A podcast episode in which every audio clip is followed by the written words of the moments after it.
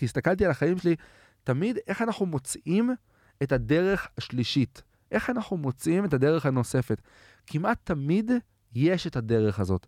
מה שהרוב הולכים בתלם, והם לא חושבים על הדרך השלישית, על הסיפור הזה, על, על איך אפשר להגיע למקום, אה, למקום מסוים ולייצר לנו את המציאות שאנחנו רוצים להיות ולייצר לנו את, ה, את הפורטפוליו. איך הגעתי לכאן? פודקאסט מבית Mavens. הפודקאסט שלנו מארח אנשים מעניינים מעולם ההייטק ומנסה להבין מהם איך נראית צמיחה מקצועית אמיתית. אחת שבאה מהתמודדות קודם כל עם עצמנו, עם המחשבות שלנו, עם אתגרים, עם חומות, עם פחד. איך מגייסים אומץ לצאת מאזור הנוחות? מה המחירים שאנחנו משלמים בדרך?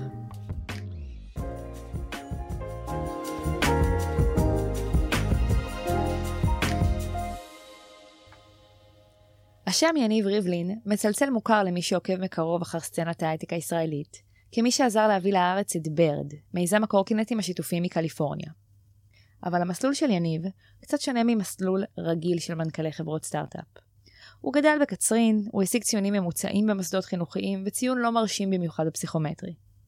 ולמרות זאת, הוא מצא את עצמו לומד בתוכנית נחשקת בטירה בקנדה, מסיים תואר בהרווארד, עובד בקרן שוסטרמן במטרה לחבר יהודים ברחבי העולם לישראל, ומשם נכנס ישר לתפקיד העסקי הראשון שלו, מנכ"ל ברד בישראל. בדרך, יניב פיתח שיטה להסתכל על כל דבר שנקרא בדרכו, כמו על מתקן בלונה פארק. איך זה מתבטא, ואיך אנחנו נוכל לבחון את הצעדים שלנו ולכוונם למסע קסום בקרוסלת ברבורים, ופחות לנסיעה במכוניות מתנגשות? יניב ריבלין הוא האורח שלנו היום. ברוכים הבאים אה, לפודקאסט שלנו, אנחנו מקליטים אותו מ-Google for Startups Campus, אה, הבית של גוגל לסטארט-אפים. הקמפוס נותן לסטארט-אפים הזדמנות לקבל גישה למוצרי גוגל, חיבורים לתעשייה, וידע בנוסף לתוכניות ואירועים לסטארט-אפים. אנחנו נמצאים בקריאייטר סטודיו, אולפן וידאו ואודיו מקצועי שזמין לסטארט-אפים בחינם. אה, לעוד מידע תנסו לאתר שלהם campus.co/תל אביב. טוב. אני רק רוצה להגיד שזה הפרק הראשון שלי בפודקאסט של סטור מיימן. אה, שזה בעצם אומר שזה הפרק הראשון שלי לפודקאסט בכללי בחיים. אז uh, תודה למי שמקשיב, להקשיב לתוכן של מישהו אחר זה אף פעם לא מובן מאליו. וגם אני יוצאת עכשיו מאזור הנוחות שלי, אז uh, תודה לכם. ושלום יניב ריבלין. שלום, שלום, איזה כיף להיות פה. אז תודה רבה שאתה כאן. ורשות הדיבור הולכת לעבור אליך עוד רגע לגמרי, אמ, אבל אה, קודם כל אז תודה שאתה כאן. כתבת ספר, החיים כסטארט-אפ, אמ, וקראתי אותו. עכשיו קראתי את הספר, אה, הוא ספר מצוין. והיא לא סתם אומרת. אני לא סתם אומרת, זה פה נמצא לי כאן, קראתי דרך הפלאפון. אמ, זה ספר מצוין, אבל אני חייבת חייבת להודות שהוא עשה לי קצת פומו.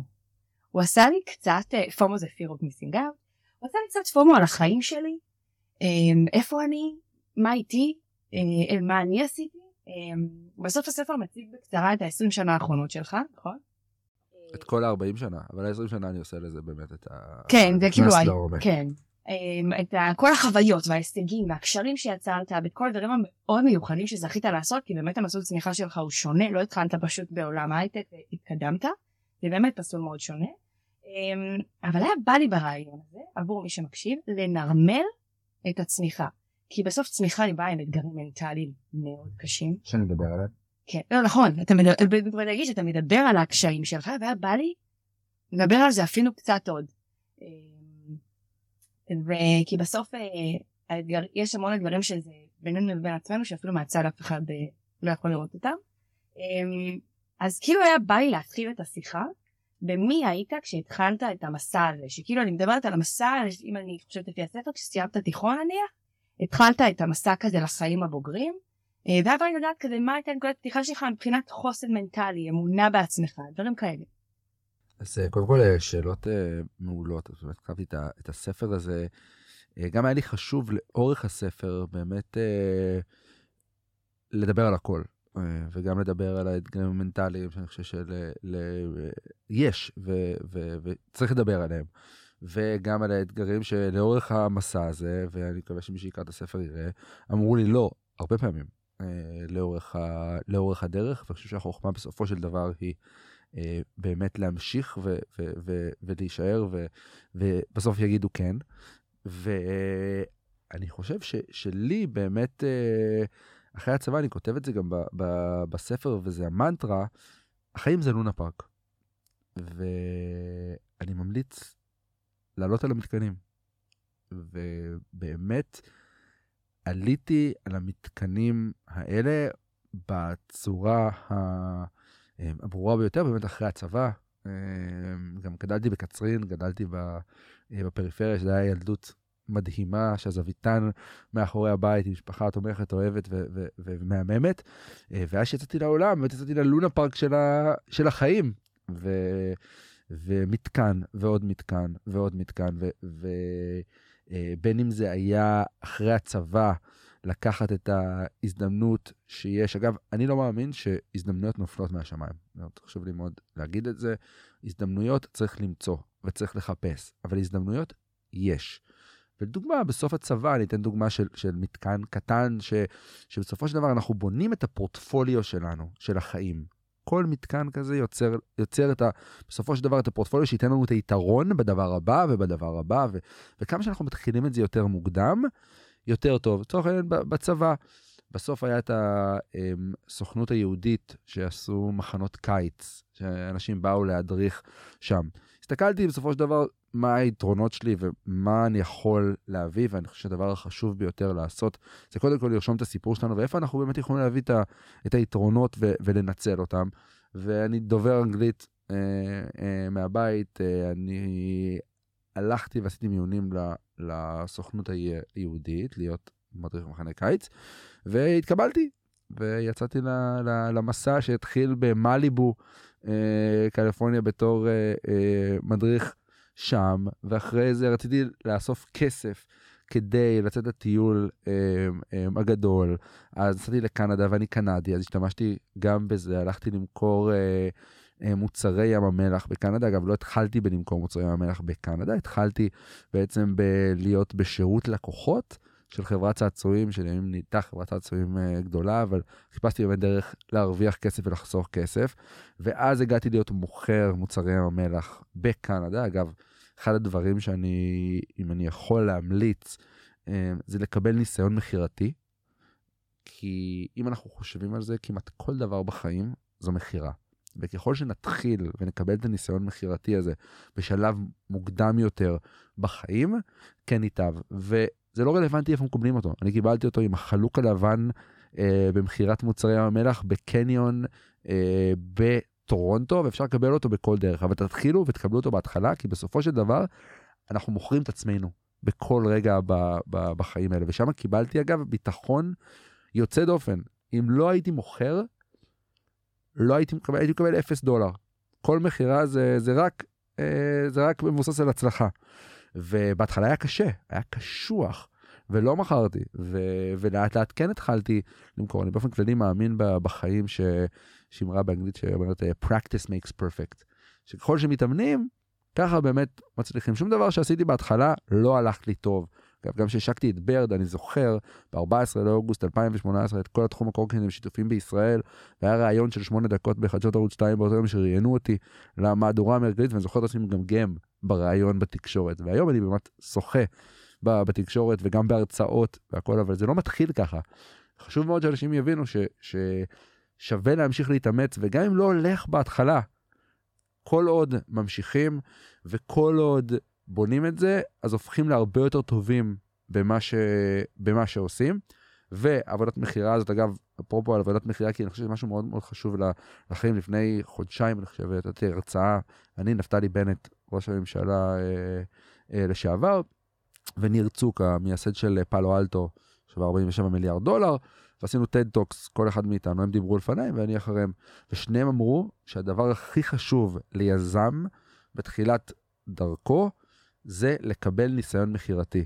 ואז אני עליתי ויש לי את המצגת שמדברת בדיוק על, ה, על השקף הזה והייתי מאוד, uh, מאוד גאה, אבל אני באמת חושב שאני לא יכול להדגיש את זה יותר, את החשיבות של זה. ואז בעצם בקנדה זה הוביל אותי, ל, uh, זה הוביל אותי לטיול הגדול ש, שיצאתי uh, אליו של, של כמה חודשים, גם זה אני חושב תדעו כמה זמן אתם רוצים, לא צריך ללכת בשביל החומוס לצורך העניין, וזה אגב באופן כללי בחיים.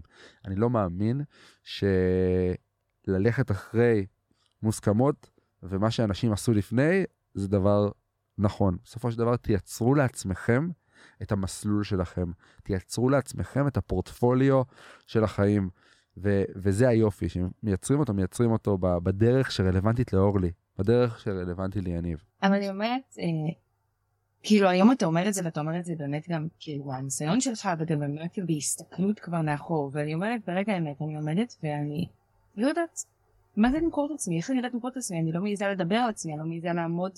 אני לא יודעת איך אני שוחה בין כל הדבר הזה. אולי כי אולי אולי כי החוסן המנטלי שלי עוד לא משויף אולי כי אני לא מאמינה בעצמי אז כאילו אומרת איך בכלל הגעת למצב שאתה אומר באתי מנקודה שהיא כאילו נמוכה יותר? אז נשמע שכאילו באת ממקום שהוא מאוד עוטף ומחבק ו... ודוחף קדימה. ככה זה נשמע אולי. קודם כל חד משמעית באתי ממקום עוטף ו- ו- ומחבק ו- והכל אבל um, כן כל דבר דחפתי. כיניב דחפתי אני יכול לתת כמה אה, דוגמאות אבל אפילו ב- ב- בלימודים אני קיבלתי אה, ציון פסיכומטרי של 542 הייתה לי בגרות באמת אה, בינונית, לא, לא מזהירה במיוחד. אגב, אני לא טוב במבחנים באופן כללי, במבחנים מהסוג הזה. אני דובר אנגלית מהבית, ונכשלתי בטופל, שזה מבחן הקבלה באנגלית.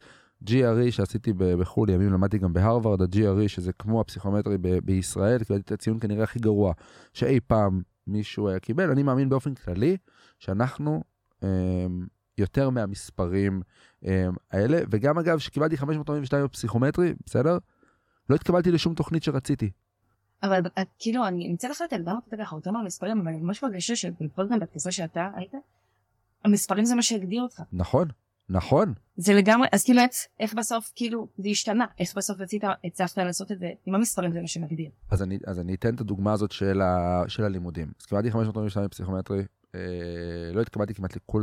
לאף תוכנית שרציתי.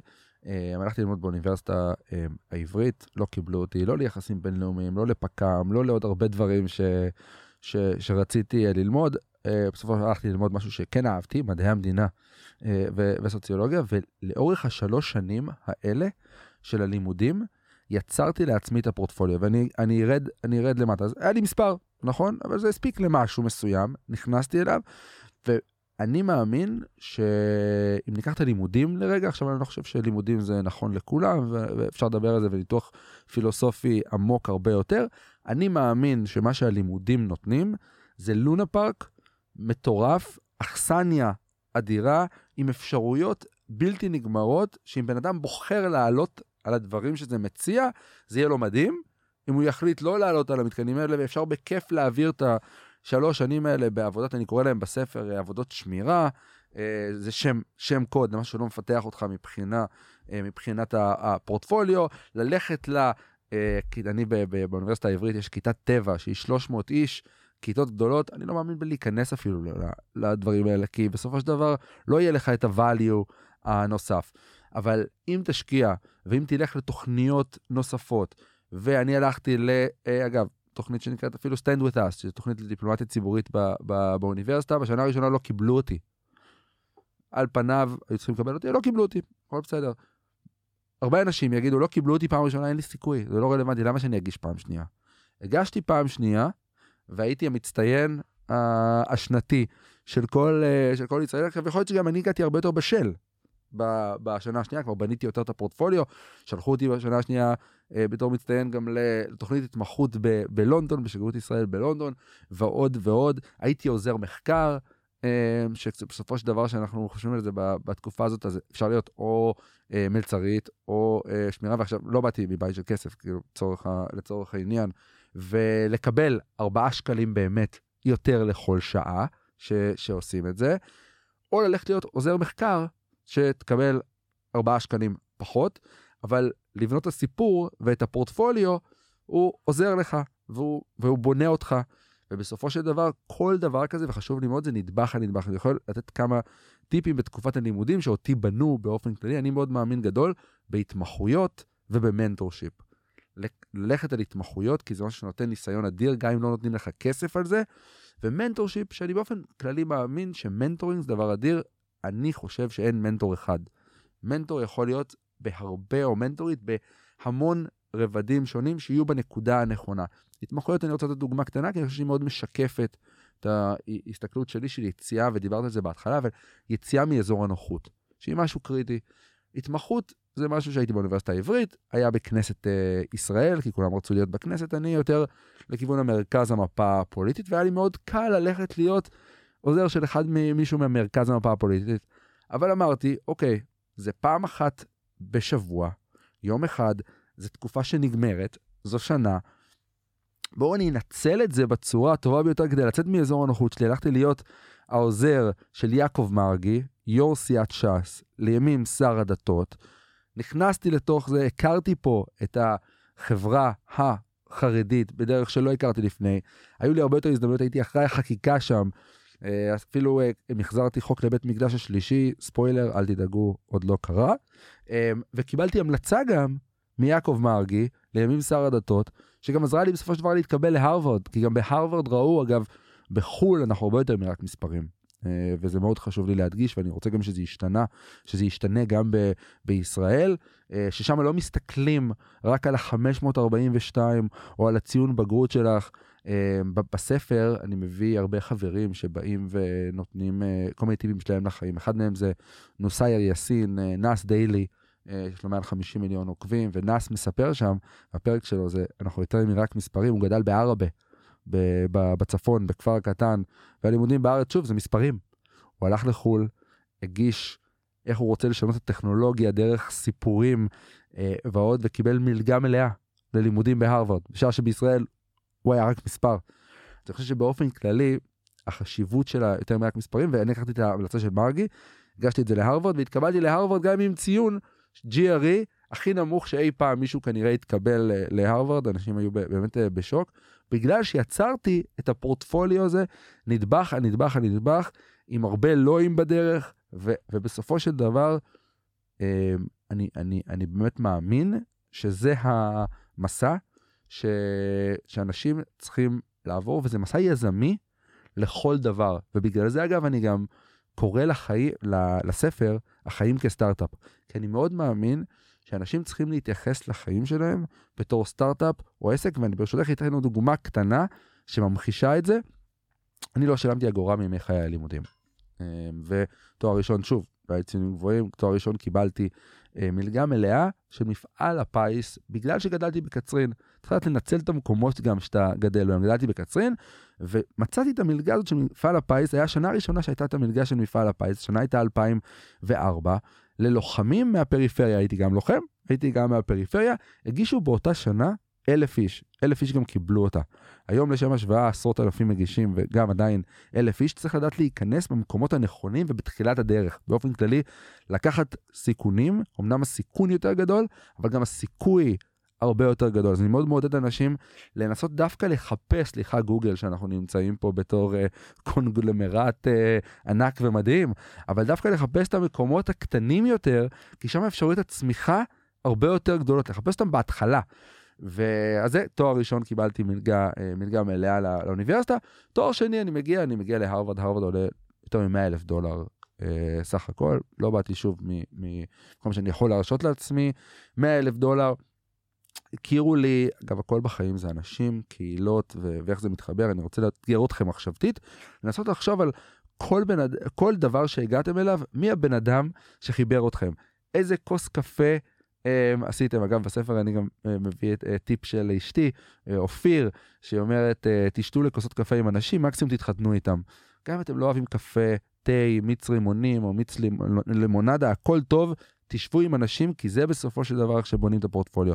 תואר שני, מייגן, שהייתי בקנדה, אגב, עוד תוכנית שלא התקבלתי אליה פעם ראשונה, התקבלתי אליה פעם שנייה. הגעתי, מייגן אמרה לי, הייתה בהרווארד, אמרה לי, למה שלא תגיש להרווארד? סבבה, חיברה אותי אה, לאורי, שהיה בהרווארד, שאמר לי על מלגה, שמקבל אותה לרוב ישראלי אחד בשנה, ל-Ivy League, שזה ליגת הכיסוס, עשרה האוניברסיטאות הכי טובות בארצות הברית, במדעי המדינה, אה, מדיניות ציבורית, משפטים וכלכלה. אה, בסדר, הגשתי, מתקשרים אליי אה, אה, יום אחד, הגעת לשלב הסופי, היו רק 24, אני חושב, חבר'ה בשלב הסופי, אמרו לי, תעלה על Webex. רובכם, רובנו לא זוכרים את Webex, זה מה שהיה לפני זום. אמרו לי לעלות על Webex, אני במונטריאול ב- ב- ב- באותו זמן, אמרתי סבבה, אבל אני יכול להגיע אליכם? עכשיו אמרו לי, כן, אף אחד לא, אתה רוצה, תבוא, תשלם על כרטיס טיסה, תשלם על מלון. שילמתי 500 דולר, טסתי בשיא הקור למנסוטה, מי שלא היה במנסוטה בדצמבר, לא רצוי שיהיה שם, קור כלבים. ישנתי במוטל 6, מי שישן, לא ישן במוטל 6, אני לא ממליץ לעשות את זה, זה לא חוויה מדהימה. 480 דולר על טיסה, עוד 19.99 לישון במוטל 6. הגעתי, הוצאתי 500 דולר, הגעתי לראיון וקיבלתי את ה-100 אלף דולר. החזר השקעה של 200 איקס. עכשיו, זה החזר שכל משקיע הון סיכון היה כנראה לוקח אותו. אבל כשאנחנו בחיים שלנו, אני אחד היחידים שביקשתי לבוא. ובגלל שעשיתי את זה, זה העלה לי את הסיכוי, כי הסתכלתי על החיים שלי, תמיד איך אנחנו מוצאים את הדרך השלישית. איך אנחנו מוצאים את הדרך הנוספת. כמעט תמיד יש את הדרך הזאת. מה שהרוב הולכים בתלם, והם לא חושבים על הדרך השלישית, על הסיפור הזה, על, על איך אפשר להגיע למקום, אה, למקום מסוים ולייצר לנו את המציאות שאנחנו רוצים להיות ולייצר לנו את, ה, את הפורטפוליו. אז עולה לי שתי שאלות ממה שסיפרת. כאילו דבר ראשון בא לי לשאול, היית בשגרירות ישראל בלונדון והיית בטירה המטורפת הזאת במונטריאול עם איזה 12 איש ודברים אה, סופר מיוחדים. היה איזה רגע בין והיית בש"ס. כל הרגעים האלה היה רגע שעמדת שם ואמרת אני יושב פה ואני לא מבין כלום ואני לא יודע ועוד שנייה יעלו עליי. אין לי מושג מה להגיד פה בכלל וגם כשהתחלתי לדבר הייתי נשמע לא טוב. וואו, כל כך. Um, קודם כל, היה לי, ואני גם מדבר על זה בספר, היה לי um, הרבה את ה-imposter syndrome, uh, ואת ה... האם אני פה, ואני חושב שהרגע שזה באמת השתנה לי בסופו של דבר, um, היה uh, כשבהרווארד, uh, אגב, לא שהתקבלתי להרווארד, כי כשהתקבלתי להרווארד הייתי בשוק, וביום הראשון כאילו, who are all these people, זה כאילו, זה, זה באמת, וזה הרווארד, והכל. ואז אחרי שנה מה, מהשנתיים, כאילו, הבנתי שאני סוף סוף, שאני לא מתחזה. ואגב, זה גם לפני, שוב, וכל דבר שעשיתי, שקיבלתי את הלואים, ושקיבלתי את ה-542, ובאמת, אה, אה, באמת הרגשתי שאני די, די מתחזה. אה, ו- ויש משהו שאני מאוד אה, מסתכל עליו כגישה, וגם, וגם זה לקח לי זמן, זה לא, זה לא מהרגע הראשון, אבל, אבל כן משהו שגם אם אני מרגיש imposter קודם כל, אני לא אגיד את זה. ואני מאוד מאמין ב-fake it till you make it, uh, שזה בסופו של דבר, ת, ת, אז גם ב-Bird, בסדר? שנכנסתי והקמתי את התחום של הקורקינטים השיתופים בישראל, ו, וב-Bird, ושכנעתי אותם לתת לי את ההזדמנות, זה, זה, לא היה לי את הניסיון המתאים. לא ניהלתי באמת חברה גדולה uh, לפני, ולא היה לי ניסיון אופרטיבי, ולא היה לי עוד הרבה, הרבה דברים. אבל בסופו של דבר אני מאוד מאמין בלעגל פינות. ואני חושב שזה, אני לא אומר לכתוב תסריט חדש, לא לכתוב סיפור חדש, לא לכתוב את ה story מחדש, אבל כן לעגל פינות ולהגיע עם, עם ביטחון, בסופו של דבר משהו שאני מקווה שאורלי, שאנחנו ניפגש פה עוד כמה שנים, זה כבר לא יהיה המצב, אבל יש באופן כללי נשים שהן באות להגיש ויש קריטריונים לעבודה. אם הן לא עונות ל-100% מדרישות התפקיד, הן לא מגישות. כשגברים 60 אחוז מגישים. זה לא באמת משנה אם היה לך ארבע שנים ניסיון תעסוקתי, או באמת חמש שנים, זה לא, שזה לא ימנע מאנשים לעשות את הפייק את ולנסות, כי worst thing, יקבלו אותך. אבל אתה אומר תעשה make it ואני מרגישה שלפעמים יש כזה אבל fake מה יש אני אני לא יודעת how to say כי אני לא יודעת מה התשובה. ולפעמים אנחנו מרגישים שאנחנו צריכים כאילו איזושהי ודאות וזה זה נורא קשה כאילו לעשות make it שאת לא יודעת. אני לגמרי מבין אבל אני רוצה לחזור לנקודה מקודם של, ה, של ה, איך שאני מסתכל על העולם באופן של ה- life as a startup או זה. אני, גם מה כבר יקרה, ובגלל זה גם חשוב לקבל את הניסיון המכירתי בהתחלה, כי אתה בא למכור, הכל מתחבר. ובסופו של דבר, החיים שלנו זה מסע יזמי גדול. כשאתה בא להקים חברה, כשאתה בא לייצר product, uh, תשאלי כמעט את כל מי שהקים חברה, 99 אחוז, ולארי וסרגי, אה, פה שהקימו את אה, אה, גוגל והכל, ו... they faked it. אין, אנשים לא באו עם, ה, עם המאה אחוז, וזה תנאי אי ודאות.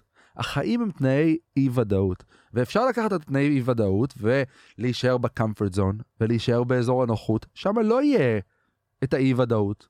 שם הכל טוב, אנחנו בקמפרט זון, אנחנו בכלוב הזהב, אנחנו במקום הזה, אנחנו מכירים אותו, הוא מוכר לנו, אה, אבל רק כשיוצאים מאזור הנוחות, כן, מגיעים לאי ודאות המטורפת של אזור הפחד. וזה אזור מפחיד, אבל יש גרף אדיר שאני אוהב להראות שהוא מתחיל באזור הנוחות, את יוצאת לאזור הפחד, השני אזורים הבאים זה אזור הלמידה ואזור הצמיחה. הדרך היחידה להגיע לצמיחה, ולא סתם דוקטור סוס, אמרתי, צאו למסעות ו- ותגיעו ו- ויפתחו לכם עולמות, רק אם תצאו מאזור הנוחות אתם תוכלו להגיע לצמיחה הזאת. וכן זה מפחיד, וכן זה אי ודאות, וכן תקבלו לואים, וכן יהיו כישלונות, וכן לא יהיה לכם מושג מה אתם עושים, ותצטרכו לעשות fake it till you make it, וכן תצטרכו לייצר את הסיפור ואת המציאות הזאת בעצמכם, אבל וואלה, זה שווה. אז כאילו אם אני צריכה לסכן אז כאילו כדי שאני אוכל לעשות fake it till ואני מומלץ שאם אני מפחדת, לא לעצור, לעשות fake it till it, וכדי שאני אוכל לעשות fake it till הכי טוב, אני צריכה לבנות לי את, ה, את הסל שלי עם עצמי שלי, לדעת מי אני, לדעת אולי גם במה אני פחות או יותר, ולדעת שבמה אני פחות, אבל עדיין אצליח למכור את מה שכן. כאילו להבין מי אני. חד משמעית. הדבר הראשון שאני ממליץ תמיד, ובסוף הרצאות, אני נותן הרבה הרצאות, בסוף הרצאות אני אומר, This was my story, go write your own story. ורק כשאתה כותב, יש כל כך הרבה דברים שאורלי וואלה, לך נראים טריוויאליים. ליניב נראים טריוויאליים. בוא ניקח את הצבא, בסדר? כדוגמה. הצבא, להיות בתנאי אי ודאות, תחשבי, כל ישראלי כמעט היה בתנאי אי ודאות. שלוש, שנתיים, שלוש שנים, אה, הוביל צוותים, עשו, עשו דברים. זה נראה לנו טריוויאלי. זה נראה לנו כאילו כולם עשו את זה. לא כולם עשו את זה. נסו לפרוט את כל הניסיון שלכם לדברים פרקטיים, של מה הדברים שלקחתי מהם, ולפעמים אני, אני מאוד מאמין בקבלת uh, פרוספקטיבה גלובלית. והיה אה, לי פרופסור בהרווארד, פרופסור רון הייפץ או רון חפץ, uh, ישראלי לשעבר, שהוא לימד קורס שנקרא מנהיגות אד, אדפטיבית. זה הקורס ש-20 שנה אחרי, זה הקורס שהכי השפיע על בוגרי הרווארד. ו... ויש לו משפט שאני מאוד מאוד אוהב ומתחבר אליו, שאומר, you gotta take a step from the dance floor to the balcony, שזה בעצם אומר שרוב הזמן, תמיד, אנחנו בתוך רחבת הריקודים. רק כשאת יוצאת למרפסת, את בעצם מצליחה להסתכל על רחבת הריקודים ולהבין מה יש לך ברחבת הריקודים ומה עוד את צריכה לקבל במה, ב, ב, ברחבת הריקודים וככה לצורך העניין גם פרוספקטיבה גלובלית. כשאתה יוצא החוצה מישראל, אני, כשיצאתי החוצה מישראל לתקופה של הכמה שנים, הבנתי גם על ישראל דברים שהיו נראים לי כמובנים מאליהם, שאחרי זה עזרו לי בהמשך המסע שלי, לדוגמה מזג האוויר. מזג האוויר המדהים בישראל, אני לקחתי אותו כמובן מאליו. בדיוק, ו Bird, אה, בעצם אני שכנעתי את Bird לפתוח את השוק הבינלאומי הראשון של החברה פה, רשמתי להם אגב מסמך Word מאוד מצ'וקמק על, על למה אני חושב שישראל צריכה להיות השוק הבינלאומי הראשון. ומזג האוויר היה אחד הדברים המשמעותיים, כי זה... ולמה?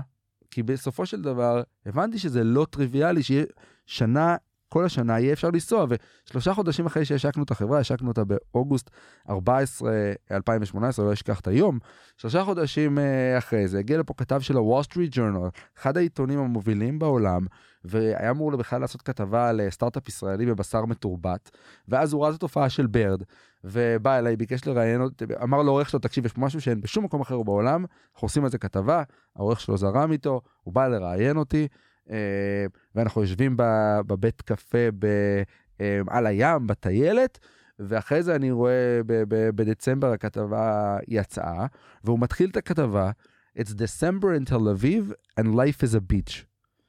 עכשיו, שוב, ואגב, הכותרת של אותה גם, אה, של אותו מאמר היה uh, bird uh, or e-scooters, the solution for traffic congestion, and שבת. עכשיו, שבת, גדלנו על זה, זה נראה לנו טריוויאלי שאי, אפ- שלא נוסעים, אה, אסור לנסוע בתחבורה ציבורית בסוף, בשבת, זה נראה, גדלנו עם זה. אבל תחשבי מישהו שבא מבחוץ, גם במזג האוויר, והוא הוא שם לי מראה לזה שוואלה, הנסיעות שלנו בשבת הן הרבה יותר מגינות, וזה אחת הסיבות שזה כל כך תפס, כי אנשים לא יכלו לנוע, וזה היה פתרון מדהים. כל זה בא להראות שרק כשאתה יוצא החוצה, ואתה בעצם יכול להסתכל על הבפנים בצורה אחרת. אגב, כשאני טסתי לחו"ל וכמה שנים, אני הבנתי משיחות עם אנשים, כמה שמה, איך שאני רואה את ישראל שלי, זה לא מה שהם רואים, את ישראל אה, שלי, וזה גרם לי לעשות הרבה דברים ש... כמו להקים את ה- את ה-first ever Harvard Israel conference, כי אמרתי, לא הגיוני שיש את ה-Japanese ו-Russian וזה, ואמרו לי לא, אין סיבה והכל טוב. ובסופו של דבר, אמ, אני מאמין גם, זה משהו שאני מאוד מאמין לחיים, אם אומרים לכם לא, הרבה, סימן שאתם כנראה ב- ב- בכיוון הנכון. רצוי שיתובל בכמה כנים, ניקח אפילו את הדוגמה של Bird, לצורך העניין. אז, אז Bird באמת, אה, שהתלבטתי האם אה, להתחיל את התחום של הקורקינטים השיתופיים, ו Bird, היום נראה לנו מאוד טריוויאלי, שיש פה, שוב, בארבע שנים הראשונות מעל 10 מיליון נסיעות, 500 אלף unique users, נבחרתי לאחד מהמאה האנשים ששינו את ישראל בכלכליסט, או מתחת ל-40 וכל זה, זה, זה לא היה לפני חמש שנים, לא היה לנו קורקינטים אה, אה, שיתופים, אז שאלתי אנשים האם זה, האם אה, שווה להתחיל את זה. אמרו לי, עזוב אותך בחייאת דינק, ישראלים ונדליסטים, תוך שבוע לא יישאר חצי. אמרו לי, ישראלים, נו בחייאת, הם לא, מי ישלם? אף אחד לא, ישראל, ב- מי, ישלם? אני זוכר את הכותרות אגב, שהשקנו בכלכליסט וביומיים אחרי, השירות יקר, השירות, השירות פה, אנשים לא השתמשו, אה, או היה את ה... עזוב אותך, לאנשים יש קורקינטים פרטיים. למה הם בכלל צריכים קורקינטים אה, שיתופיים? ככל שאומרים יותר לא, זה כן, כי אנשים לא מסוגלים לפעמים לראות מהפכות. יש משפט אדיר שספק אמר, ספק לא אמר, לא רלוונטי, של הנרי פורד, שאמר, If you asked people what they want, they would say faster horses. שהוא מדבר על המעבר הזה מהכרכרות למכוניות. הרי אנשים, אוקיי, היו סוסים, בוא נייצר סוסים יותר מהירים, זה מה שאנשים רוצים. כי לא יכלו לראות את ה... את המה... מי יכול לדמיין בכלל מהפכה כזאת שהובילה לכל כך הרבה, לכל כך הרבה דברים? אז יש לי שאלה. אם אתה מסתכל אחורה, סתם אני שואלת את זה כי ראיתי איזושהי הרצאה נורא מעניינת של מישהי בשם ברנה בראון שהיא כזה חוקרת אומץ ואז אה, היא מדברת הרבה על כזה היא שאלה אנשים מה כאילו הדבר הכי אמיץ שהם עשו? שזה בכלל לא אה, לעמוד בטלוויזיה. כאילו כשהיא מדברת על אה, אומץ זה אפילו יכול להיות ב- ליזום שיחה קשה עם הבן זוג שלי. אז אה, היה בא לשאול כאילו בכל המסע הזה כאילו מה הדבר הכי אמיץ שאתה מרגיש שעשית. אני נגיד יכולה להגיד לך ש... זה אפילו יכול להיות להגיד פעם ראשונה למישהו קיבלתי 592 בפסיכומטרי. זה מרגיש לי כאילו כאילו אפילו אומץ. בא לשאול מה אתה מרגיש שהדבר הכי אמיץ אה, שעשית או אפילו לא הכי. כן, אמ, קודם כל, שאלה נהדרת. אני חושב שהחיים זה, זה אוסף של אה, דברים אמיצים שאנחנו עושים. אגב, לכל בן אדם, אני מדבר על זה, אני אחבר את זה למשהו, אה, למשהו נוסף ברשותך. אמ, אני מאמין שהדרך לקבל החלטות בחיים בדברים המרכזיים שלנו זה לשאול את עצמנו, what do I want to talk about in the Friday night dinner table? על מה אני רוצה לדבר בארוחת ערב של יום שישי. מבחינתי ארוחת ערב יום שישי, ארוחה עם משפחה, ארוחה עם חברים. את רוצה לדבר על מה שאת, אה, מה שאת עושה. עכשיו, לאורלי, או ליניב, או לגד, או לירדן, או לכל כל בן אדם בעולם באופן כללי, דברים אחרים will make them tick. והחשיבות פה, כמו שדיברנו קודם על לכתוב את ה story שלך, להבין בסופו של דבר, what do you want to talk about? וזה יכול להיות החברה, וואלה, גוגל זה, זה, זה מדהים, אבל וואלה, הבוס שלך הוא לא, לא מדהים, ואז אתה לא תרצה לדבר על זה. או היום, בסיטואציה, בסיטואציה אחת, להבין מה, איזה עוד כלים אתה רוצה לרכוש, ו, ודווקא זה המקום שאתה רוצה להיות בו. או רק אורלי יודעת what makes her tick and where she wants to be. וכששמים את הדברים האלה ב, ב, על המדף, אמ, אז מבינים איפה צריך להיות, ו... וכדי להגיע לזה, זה דורש גם אומץ. זאת אומרת, זה דורש את ה... לעשות, ו... וכשאת מבינה מה את בעצם רוצה לעשות ואיפה את רוצה להיות, אז את מתחילה להבין מה הצעדים שאני צריכה לקחת. עכשיו, מה זה צריכה? בסופו של דבר נחזור לכוסות, לכוסות קפה ולכל הדברים האלה. צריך להתחיל, וצריך, וצריך אה, אה, לעלות על, ה, על המתקנים ולדבר עם אנשים, ו, ו, ומה זה אומץ? למשל אומץ, אומץ זה, זה להגיש משהו כשאתה יודע שהסיכוי הוא נמוך, לא סיכוי הוא אחוז, להגיש זה אומץ. אה, הסיכוי, אה, להתחיל חברת, אה, אה, את כל התחום של הקורקינטים השיתופיים, כשלפני זה זה לא היה אה, תחום ו- וללכת על זה, זה, זה אומץ, אני אגיד, יכול להיות שכן, מצד שני, אה, עשיתי את, ה- את סט השיקולים, ולי זה הרגיש מאוד נכון באותו רגע, גם מהרבה מובנים, אז זה יכול להיות אומץ, אה, או שיכול לכתוב ספר, זה צעד אמיץ. אני, אני, בסופו של דבר, אני שופך את כל החיים שלי שם, וזה, וזה, וזה, וזה אומץ, אבל האם, האם זה אומץ? האם זה לא אומץ? אני חושב ש... אפשר להסתכל כ- כ- כדבר קטן לכדבר גדול, ובסופו של דבר אומץ, כמו שרנה אומרת, אבל זה, זה מגיע מהבן אדם. דברים שלי יהיו כביכול אומץ, לך לא יהיו, יבואו לך בקלות או בטבעיות. אני מסתכל על אומץ, על בדיוק מה שדיברנו מקודם, על היציאה הזאת מאזור הנוחות ומעבר לאזור הפחד. אז כאילו בא לי, בא לי, אני יכולה. את יכולה תמיד, מה זאת אומרת? בטח. אותך באמצע, אמרת, אין מתאים עכשיו. מדהים. אז אה, אני פשוט רואה רוני קובן, אתה רואה את התוכנית של רוני קובן? קודם כל אני רוצה להגיד על רוני קורבן, זו התוכנית שאני הכי אוהב. אני חושב שהוא באמת מראיין בחסד עליון, והוא נותן, היופי אצלו, זה שהוא נותן למרואיינים את התחושה כאילו ש... ש... the floor, the floor is there, ועוטף אותם ב- באהבה כל כך אבל הוא גדולה. גם יודע לעצור, הוא יודע לחתוך אותם באמצע, ואני אומרת לו, אז זו תכונה מטורפת. יפה. מה שרציתי להגיד, אה, אבל גם, סליחה, רק להגיד, אה, וזה אני חושב מטאפורה גם לחיים, חשוב לדעת איך לחתוך. וזה, ו- ואפשר לחתוך וליצור אנטגוניזם אצל הבן אדם, אצל הבן אדם ממול, או לעשות את זה ב- ב- בצורה מאוד, אה, אגב, סליחה, אבל אני חייב להכניס פה איזה משהו, שאחד פורבס עשו אה, מחקר. מה התכונה הכי חשובה למנהל מנכ"ל בעולם החדש? את יודעת מה היא? אמפתיה. ואמפתיה, זה מאוד מתחבר לזה. שגם כשקוטעים, צריך לעשות את זה עם אמפתיה ולהבין את האנשים, להבין את הבן אדם, להבין את הבן אדם השני. סליחה, עכשיו אני קטעתי אותך, אני מקווה שעשיתי את זה בצורה יחסית אמפתית, ואני אחזיר את הבמה אלייך. אני רציתי להגיד שדיברת על אומץ, שכאילו, אה, דיברת, כל אחד יש לו את מה שגורם לו להתרגש, מה שמעיף אותו, ואנחנו נמצאים כזה באיזושהי תקופה, נכון, בתקופת אה, תקופת הפומו, נכון שההוא מפתח, ואז הוא התקדם להיות ראש צוות, ואז הוא התקדם להיות VP, וזה מעין כזה, ואנשים נורא מתקדמים באיזה דרך מסוימת, ואז אני מרגיש שכאילו, אז אולי צריך להיות מהדרך הזאת, אולי כי שם מרוויחים יותר כסף, כי שם, אבל, אבל פתאום בלב אתה כזה, אבל זה לא, אוי, זה כל כך לא מה שמדליק אותי, ואני חייבת להגיד, כשאני התחלתי לעבוד בסטורמן בתפקיד אחר לגמרי, אין, אה, ממש כאילו תפקיד שעבדתי יותר כזה עם המנכ"ל שלנו, אה, באופריישנס, שמעתי שאחלה איש המנכ"ל. והוא מאמן. גד מאור. גד אה, מאור, איש- איש יקר. כן, אני פשוט נורא, עכשיו אני חושפת משהו שהוא קשה לי, כן? כשהתחלתי לעבוד איתו באופריישנס, ולהגיד, זה לא היה זה. כאילו זה לא, זה לא התאים לי. כאילו זה לא היה אני, אז אם זה לא התאים לי, זה היה לכם גם לא התאים אה, לחברה. וכאילו זה דחק אותי פתאום לעימותים עצמיים מאוד קשים, ולהבין שדחקתי הצידה צד יצירתי, שזה מה שאני צריכה לעשות.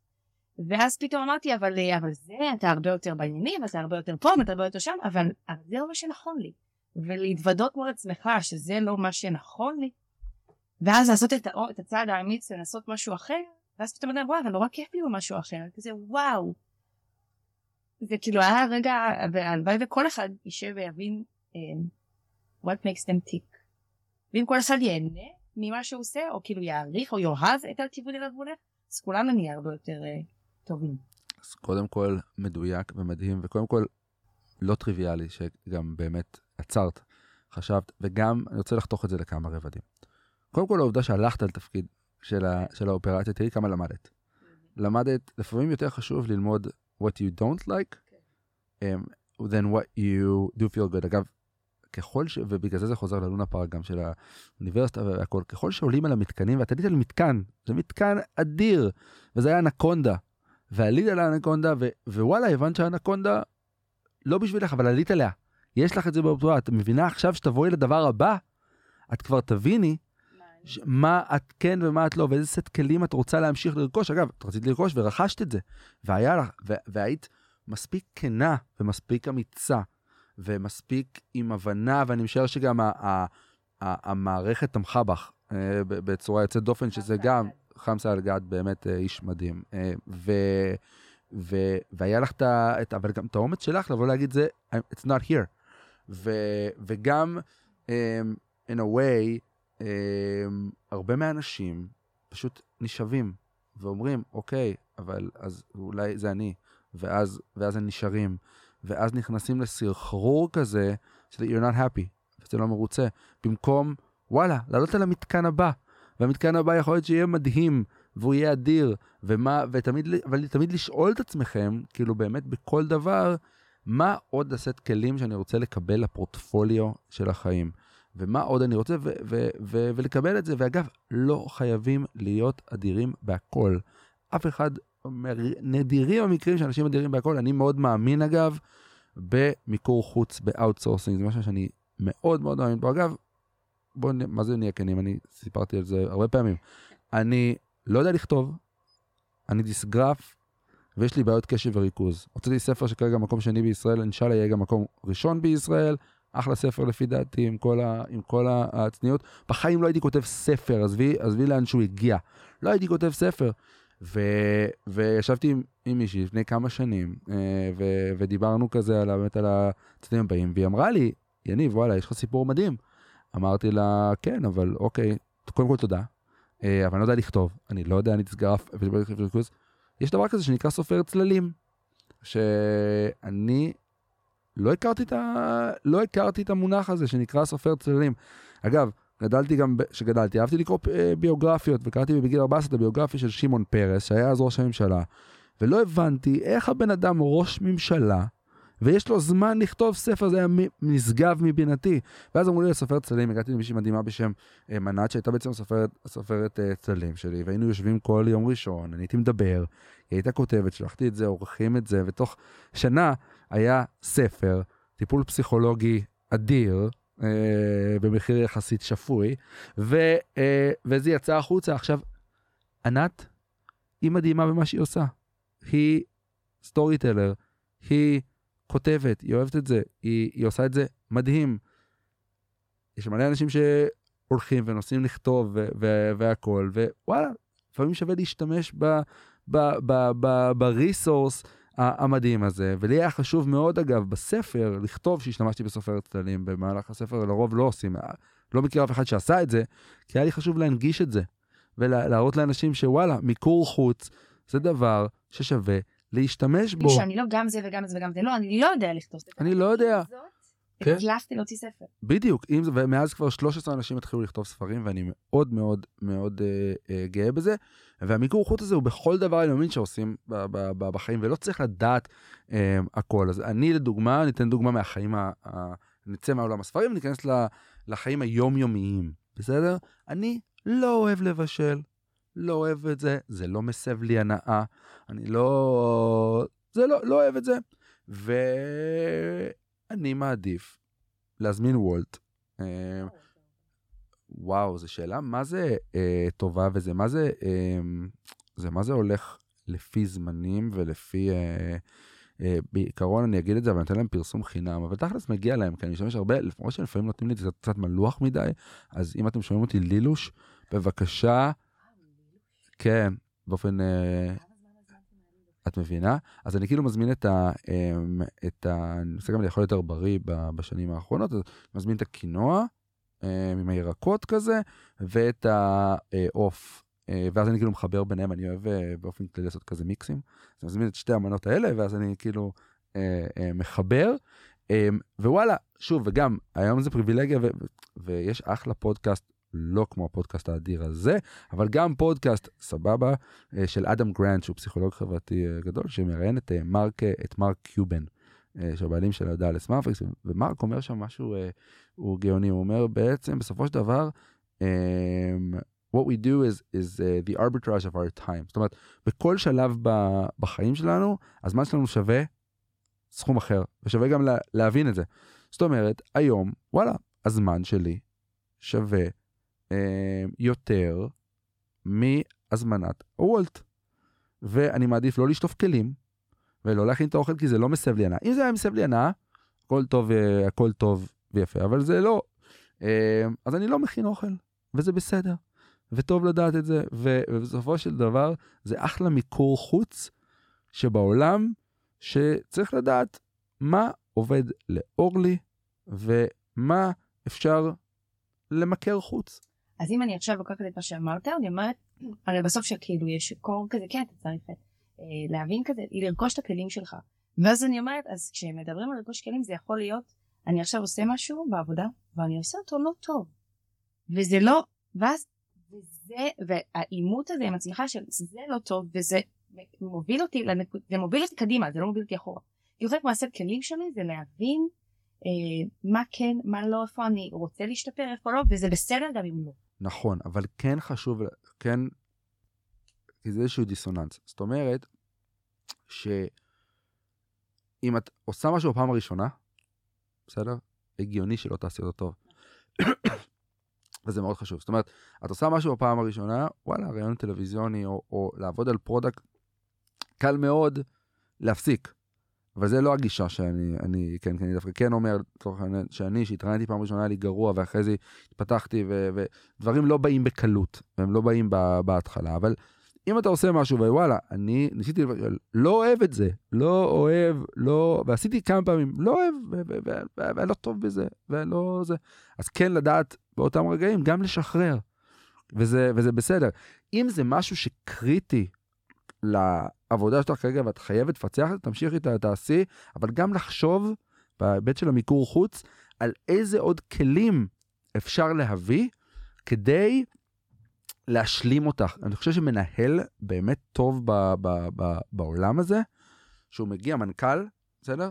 מבין מה היתרונות שלו ומה החסרונות שלו, ושהוא מגיע למקום מסוים, לדוגמה שאני הקמתי את, את ברד ואת, אה, ואת התחום של קוראים שלי, ואני יודע שבאופרציה, ב, בהנדסה ובדברים כאלה, אני לא יודע, אני לא יודע. אז אחד מה, מה-hires הראשונים, הראשון למעשה, הבן אדם הראשון שהבאתי אה, לעבוד איתי זה הנאג'י, בחור מדהים, באמת, איש יקר ומדהים, ווואלה, הוא הבן אדם שממלא ה... את ה משלים לי את הדבר שאני לא יודע, וחשוב מאוד לדעת גם לשחרר בדברים האלה. זה פילוסופיה שונה לגבי ניהול ו, ומה שאני מאמין בו, אבל, אבל באופן כללי, לדעת להשלים.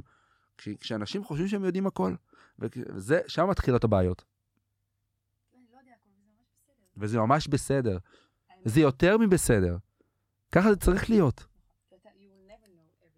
No, and that's why there's other people. אגב, יש תמיד את ה... אמ, יש את הוויכוח הזה בין generalist and experts. זאת אומרת, יש אנשים שהם experts, זאת אומרת, וואלה, דוקטור לפיזיקה uh, גרעינית בדבר הזה, שזה הוא חייב לדעת הכל. זאת אומרת, בתוך ה... בתוך הקובייה הזאת, ו- ואגב, גם מאוד אוהבים את זה לרוב, כי אתה הולך לעשות דוקטורט, אתה, אתה הולך, אתה אקספרט, אתה אקספרט. אני בצד השני של הג'נרליסט, שוואלה, אני מאוד רחב, זה מה שאני גם אוהב, המון תחומים רחבים להיכנס. אגב, אני מאוד סקטור אגנוסטיק. אני לא מעניין אותי שאני מסיים את הספר, ב... יש לי שתי uh, פסקאות האחרונות, אני אומר, הייתם שואלים אותי לפני חמש שנים, אם אני אקים את תחום הקורקינטים השיתופים, יהיה מנכ"ל של חברת קורקינטים, הייתי אומר לכם, השתגעתם על הראש. לא נסעתי לפני איזה יום אחד, uh, נסיעה אחת, על קורקינט, תחבורה, וואלה. אין ספק שזה אחלה, וזה מדהים, ותחבורה זה מאוד חשוב, לייצר שינוי חברתי, אבל האם תחבורה היה הפשן שלי? לא. אני מאמין שברגע שרואים את ההזדמנות, עפים על זה. אז זה ג'נרליסט שאני מאמין שאני אני מאמין שאני יכול לי למצוא inefficiencies או בעיות בכמעט כל תחום וזה ידליק אותי. כל עוד התחום הזה הוא מה שאני מאמין, או הדבר הספציפי הזה, אני ראיתי את הקורקינטים ככלי לשינוי חברתי, ככלי לשינוי מציאות בעיר, שבסופו של דבר באמת היה המקרה. אבל קורקינטים זה ה-vehicle, זה הכלי לעשות את זה. והייתי יכול באותה מידה לעשות משהו בתחום התשתיות, או משהו בתחום ה story telling, כל דבר כזה, בתחום הספורט, בתחום החינוך. אם אתה רואה משהו ותפתור אותו ותעוף, וזה מה שנותן לי את, ה... את הכיף, ובאמת, זה העובדה שזה באמת משהו שהוא general, זאת אומרת, לראות ולפצח את זה אה, בצורה agnostic לסקטור. האמת שבא לי להקריא ציטוט מהספר שעל על התקופה שלך בברד. הרי בסוף ברד, אה, אם המאזינים שלנו לא יודעים, ברד אה, זה לא באת מעולם ההייטק הרי. כאילו אז ברד היה בעצם, התחלת, אה, נכנסת לעולם ההייטק, אה, בתפקיד הכי בכיר בו, אה, שזה... fake it till you make it. כן, CEO ומייסד בארץ של החברה. אה, אז אני בא לי להקריא אה, ציטוט מהספר על התקופה של ורד. אני מאוד מתרגש איזה, איזה ציטוט זה יהיה. אה, אתה, אתה מנחש? וואו. לא. אז אני, אני, אני ארוץ על זה. זהו, זה? כיף לי. מדהים. אה, אז ככה. להצלחה היה גם מחיר. מצאתי את עצמי עם שלוש עבודות, מנכ"ל החברה בישראל, מנכ"ל אזורי באירופה ומנהל תחום קשרי ממשל. משימה בהחלט לא פשוטה. חודשיים הראשונים בתפקיד החדש היו סיוט. לא ידעתי במה להתמקד. Uh, כמעט ויתרתי על התפקיד כי הרגשתי שאני לא יכול לעשות הכל יחד. היו רגעים רבים של קריסה, על סף פאניקה, של דיכאון, שנבעו מהעומס ומהתחושה שאולי אני פשוט לא טוב. הרגשתי שאני טובר. Uh, עכשיו אני רוצה uh, כן רגע להתעמק בציטוט הזה כי בסוף אני חושבת שהוא מציג בסוף אנשים בעמדות בחירות כאלה מתמודדים עם כל כך הרבה דברים uh, והם צריכים תמיד לשדר uh, חוסן כלפי מעלה וכלפי מטה. ורציתי לשאול איך התמודדת עם זה ורציתי לשאול אם זה בסדר כאילו האם גם uh, הרגשת שאתה צריך טיפול כאילו פסיכולוגי אימון אה, כי איך בסוף מתמודדים עם זה? זה אחד הדברים היותר מורכבים. אה, ואני אפילו לא יודעת איך מכילים דבר כזה. קודם כל, לגמרי, אה, זה מצבים מורכבים, ואני חושב גם להוציא את זה, כי אני חושב שהרוב האנשים אה, בעמדות מפתח מתמודדים עם זה, שהם לא מדברים על זה, זה, זה משהו שאני אני חושב שחשוב לדבר עליו. כן, במקרה הזה זה היה, וזה גם בסופו של דבר, איך אנחנו רואים את העולם. ובמקרה הזה ראיתי את העולם מאוד בשחור. אמ, אגב, זה, זה היה, היה נקודה אפילו ש, שאמרתי לבוס שלי, אני לא, אני לא כאילו, בוא נחזור להיות רק המנכ"ל בישראל ו, ו, ו, ו, ונוריד את זה. למזלי החברה הייתה מאוד מבינה, וכאילו אמרו בסדר, ויום אחרי זה אמרתי להם, תשכחו מה שאמרתי, אני רוצה, ואני זוכר את איפה ישבתי בדיוק במעוז אביב, בהר קפה, ודיברתי אה, בזום אה, איתם, כי, כי באמת הרגשתי, עכשיו, זה היה גם הרגשה. זה לא באמת, זאת אומרת, זה, זה, אמנם זה היה קריסה, זה באמת היה, היה המון, אבל זה גם איך אנחנו רואים את זה, וזה מאוד חשוב לי להגיד שגם היו לי את הנקודות האלה, זאת אומרת, אני מדבר בספר על, ה, על הנקודה שהיא מבחינתי הייתה מאוד קריטית לחיים. אה, אז הייתי בהרווארד, ועשיתי תואר שני בהרווארד, ובהרווארד אתה כאילו על גג העולם, וכולם רוצים אה, אה, אה, אה, לדבר איתך ועוד ועוד, ואז אתה מתחיל את העבודה הראשונה אחרי, ה- אחרי אה, הרווארד, וזה היה אצלי פה באטלנטה, מקום חדש לגמרי, ואתה מרגיש גם בהרווארד שאתה יכול לעשות הכל. זרקו אותך בזה, בכל דבר, ואתה סבבה.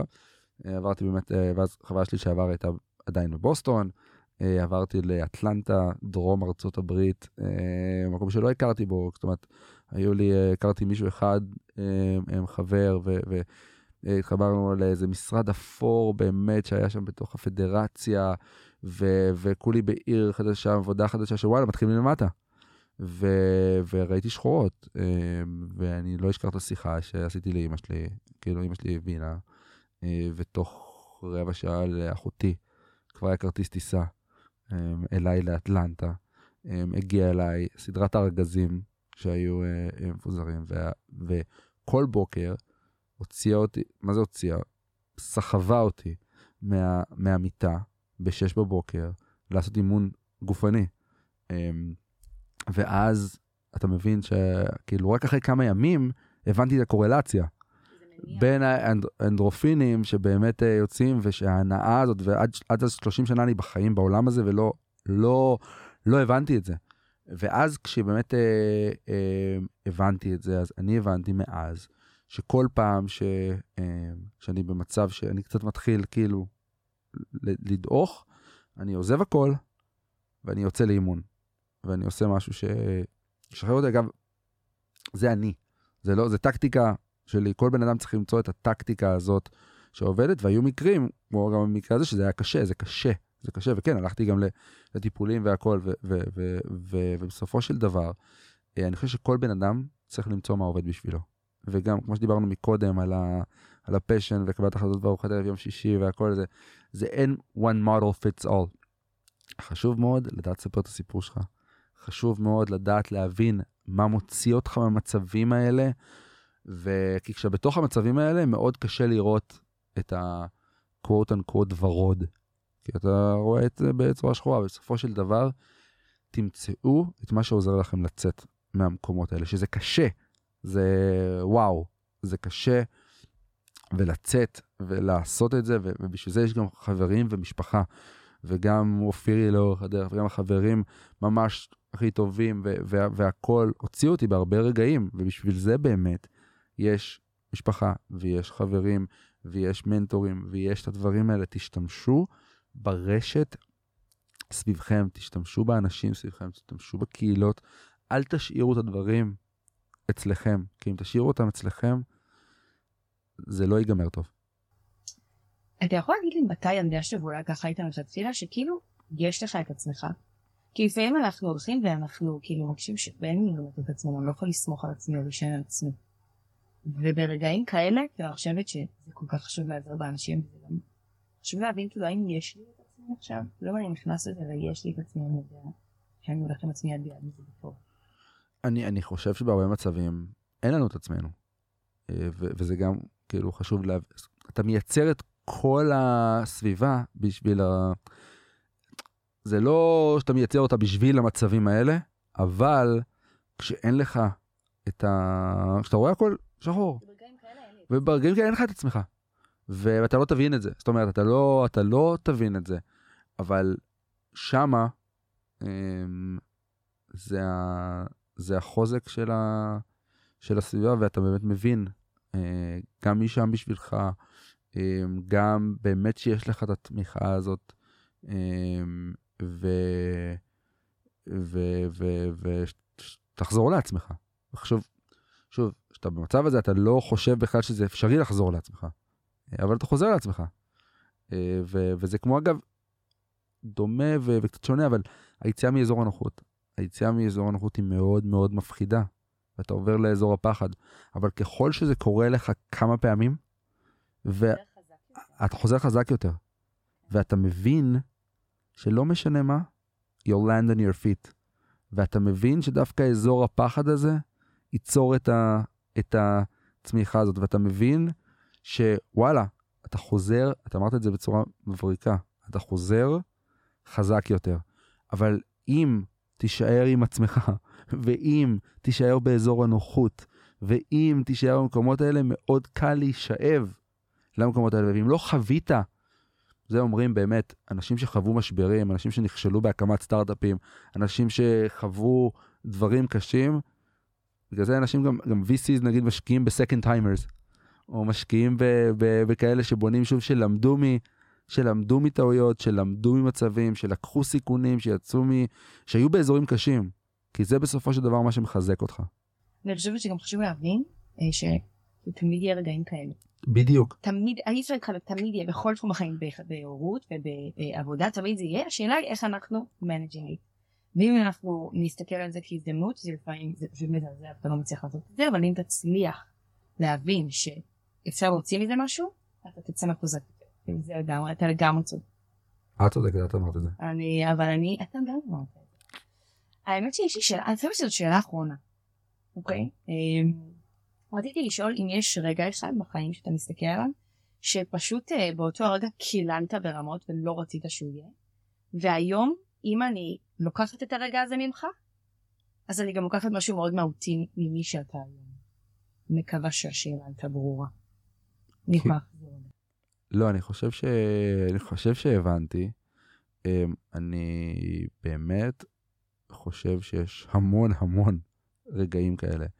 אה, אבל זה חוזר למה שאת אמרת שוב, ב- ב- ב- ברגע, אפילו ברגע, אפילו בדוגמה שאת הקראת. בסדר? שהייתי בתוך זה, זה רק קחו את זה ממני. אמרתי לך, אני, אני אשכרה התקשרתי אליהם ואמרתי להם, כאילו, אני לא, זה, it's not possible to do three jobs, ובאמת זה היה three full time, כאילו three full time jobs, it's not possible. Um, אגב, יש לפעמים מקומות שזה נכפה עליך, ודווקא אנחנו לומדים, ונחזור שנייה לדוגמה של הצבא. זה מדהים, in a way, תחשבי על הצבא, בסדר? Um, שדוחפים אותך לקצה. לקצה, אבל אין לך ברירה. זה לא שוואלה, דוחפים אותך, לא רוצה. לא רוצה לצאת למסע הזה של 40 קילומטר עם המשקל הזה על הגב, לא רוצה.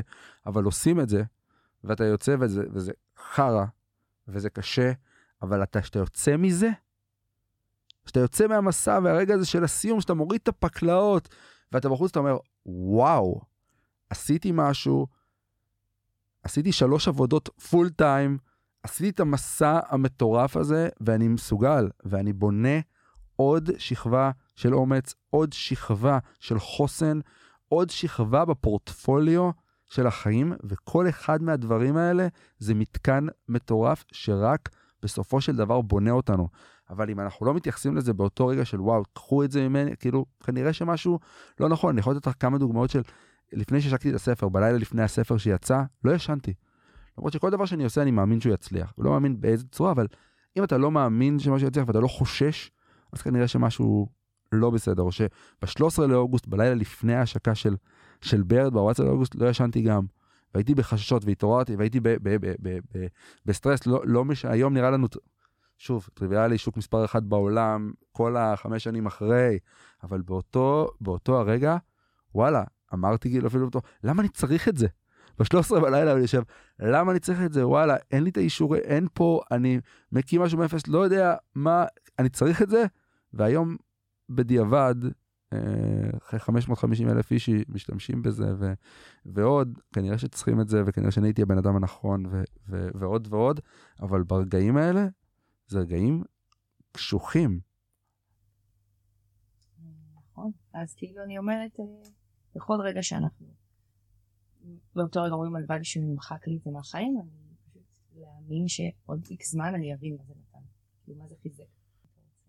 מדהים, אני באמת אה, רוצה לעודד את כולם, אה, וזה משהו שנמשך לאורך כל החיים, אבל תתחילו את זה כמה שיותר מוקדם, אה, לעלות על המתקנים של החיים. תזכרו גם שהמתקנים בתחילת הדרך הם מתקנים יותר קצרים. אז זה אחלה הזדמנות ל-AB testing, ולבדוק מה עובד לי, מה לא עובד לי, כמו שעשיתי עם האופרציה. עובד לי, לא עובד לי, ממשיכים הלאה, אבל מקבלים סט, את הסט כלים, תקבלו ניסיון, אה, באמת, אה, אני מאוד מאמין בפרוספקטיבה גלובלית, לחוות אה, קצת חו"ל, ו, ומאוד מאמין גם ב... אה, ודיברנו לאורך, לאורך הרבה מהפודקאסט הזה על, על, על ניסיון מולטי דיסציפלינרי, לא אמרנו את זה בשם, אבל אני חושב שזה מאוד חשוב. ייצור אמפתיה, לצורך העניין, מגיע מיציאה מאזור נוחות, הכרת אנשים חדשים, מגזרים חדשים, סביבות שונות, דיסציפלינות שונות. אל תישארו באותו מקום שלכם, תחוו, תחוו עוד, כי ככה באמת אתם תהיו אנשים יותר שלמים.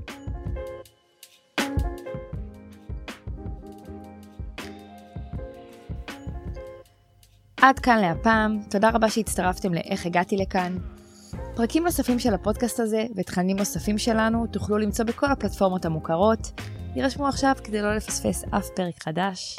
תודה רבה על ההאזנה.